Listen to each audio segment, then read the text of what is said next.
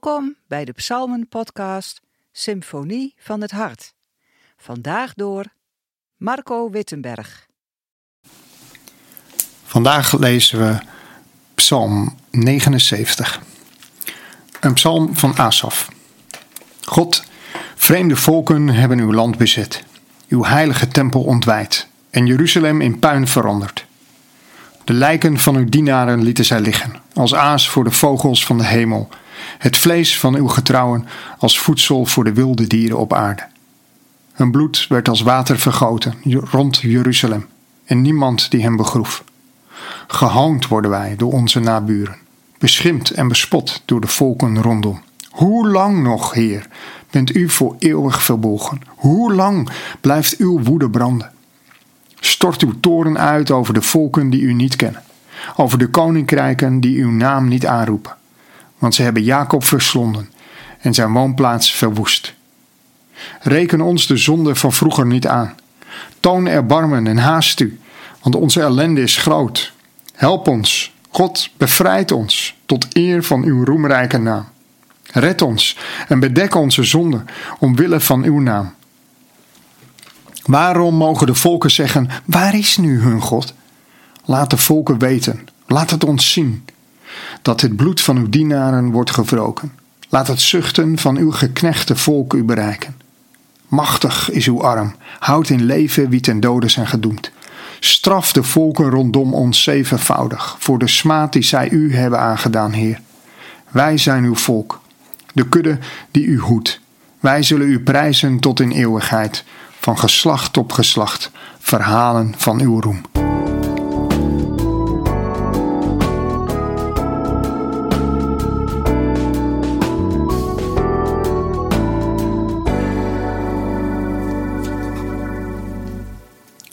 Nog? Deze vraag, deze uitroep keert regelmatig terug in de psalm. Hoe lang nog, Heer? Hoe lang nog moet ik wachten? Hoe lang nog voordat u antwoord geeft? En direct komt dan bij mij het refrein naar boven van het nummer 40 van de Ierse band U2. Een bewerking van Psalm 40, maar waarbij in het refrein de woorden terugkeren en blijven hangen. How long? How long? How long? Deze woorden hebben alles te maken met wachten, geduld oefenen. Hoe lang nog, Heer? Het opschrift schrijft de psalm toe aan Asaf, maar gezien de tijd gaat het hier waarschijnlijk om een zoon van Asaf. De specifieke context van de psalm is die van de verwoesting van de tempel in Jeruzalem. En we kunnen deze dateren zo rond het jaar 586 voor Christus als bij de derde en de laatste inval van de Babyloniërs Jeruzalem en de tempel worden vernietigd. In later tijden kan de psalm ook goed worden toegepast op eenzelfde gebeurtenis in het jaar 70 na Christus, als Jeruzalem en de tempel opnieuw verwoest worden. Maar dan door de Romeinen. De psalm is overduidelijk een klaagpsalm. Het waarom en hoe lang nog en het geklaag over de omringende volken laten dit zien klagen. Je zou zeggen, dat past goed bij ons Nederlandse volkje, want wij zijn ook zo goed in klagen. Over het weer, over de buren, over politiek, over voetbal, noem het maar op en wij weten wel iets om over te klagen. En toch is klagen bij God anders.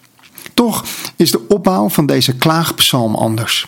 Er zijn terugkerende kenmerken in te vinden en deze kenmerken geven vorm en inhoud aan de klacht. Het gaat dan in deze psalm om een nationaal protest of klacht in de eerste zeven versen en om een gebed om vergeving in de laatste zes versen. In beeldende bewoordingen expliciet wordt de situatie beschreven. Lijken blijven liggen, dienen als aas. Het vlees als voedsel voor wilde dieren, bloed vergoten als water. Het heiligdom van God is ontwijd, verwoest. De dienaren van God zijn vermoord. En ja, het is oordeel. Profeet na profeet had hiervoor gewaarschuwd. God is een heilig God. En we moeten hem uiterst serieus nemen. Dat het volk Israël dit niet deed, betekende een ballingschap, invallen en verwoesting. Maar toch, bij het lezen van deze versen Of bij het zien van dergelijke beelden wat mensen elkaar aan kunnen doen, komt de vraag, of beter de uitroep: Hoe lang nog, Heer? prominent naar voren. We mogen klagen bij God. Niet op zijn Nederlands, maar klagen over onrecht, protesteren over de ellendige staat waar deze wereld zich in bevindt. Doen we dat nog?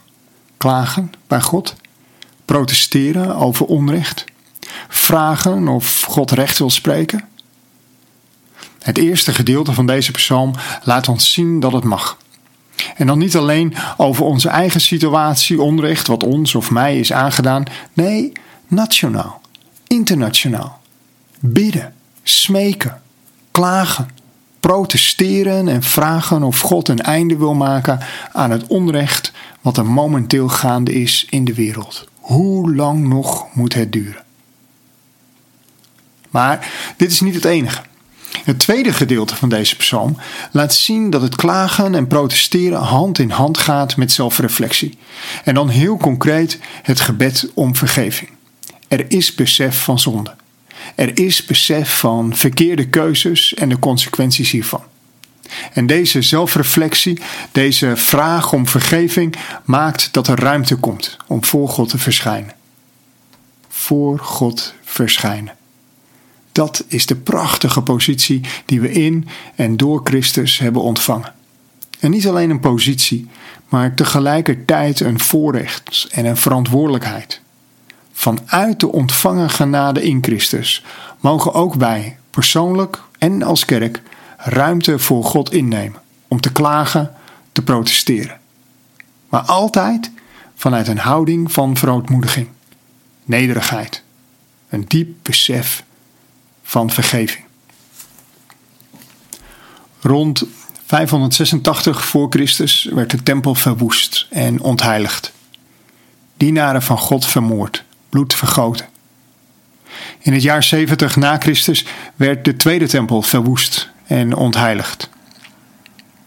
Vanuit het Nieuwe Testament weten we dat God niet woont in een stenen en door mensenhanden gemaakt gebouw. Door de Heilige Geest woont Hij in iedere gelovige persoonlijk. Door de Heilige Geest woont Hij in het collectief van Zijn gemeente, Zijn kerk. In Zijn alomtegenwoordigheid is God aanwezig op deze aarde. En als we eerlijk zijn en eerlijk kijken, hoeveel verwoesting vindt er dan op dit moment niet plaats? Lichamen die geschonden worden, kerken die leeglopen, de aarde die opgebruikt wordt. Misschien wordt het tijd om onze knieën te buigen, onze handen te vouwen en uit te roepen: Hoe lang nog, Heer? Help ons, God bevrijdt ons tot eer van uw roemrijke naam.